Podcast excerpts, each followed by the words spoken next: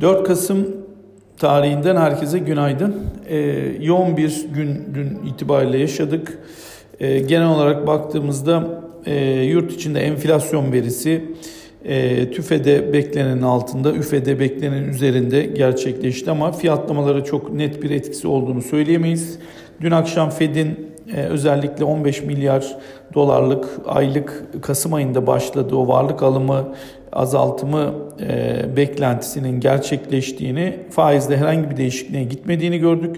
Ekonomik aktivitenin e, aslında toparlanma eğiliminde olduğu ve arz sıkıntısının özellikle aktivite tarafında daha hızlı olmasının önüne engel olduğunu, e, istihdam tarafında da açık pozisyonların doldurulmasında zaman zaman sıkıntı yaşandığını ve faiz artışlarında biraz daha tam istihdam seviyesine ulaşana kadar bekleneceği e, söylendi ve bu da piyasa tarafından aslında beklentilerin karşılanması olarak değerlendirildi. Bugüne baktığımızda ise e, bugün Avrupa'da e, hem üretici fiyatı, e, Almanya'da fabrika siparişleri, İngiltere'de Merkez Bankası kararı ve orada alınacak bir varlık alımı değişimi kararı olup olmayacağını takip edeceğiz. Amerika'da ise dış ticaret dengesiyle haftalık işsizlik başvuruları takip edilecek.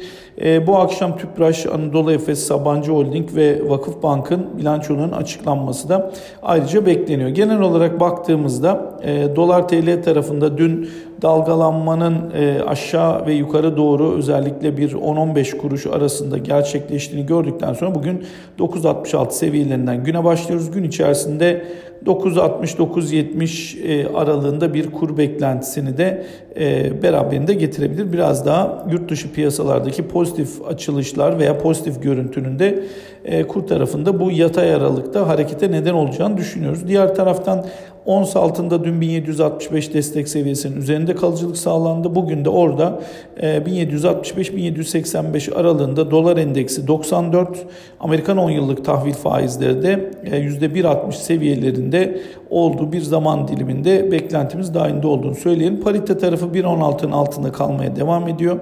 Dün Lagarde'ın yaptığı faiz arttırımı beklentisinin önümüzdeki senenin neredeyse sonrasına ertelenmesiyle şimdilik burada da 1.15.50 1.16.20 aralığında fiyatlamalar devam edebilir. Borsa İstanbul 1500 47 e, seviyesinde kapadı. E, yurt dışındaki olumlu devam eden e, görüntüyle birlikte eğer 1550'nin üstünde kalırsa yeni hedef 1585.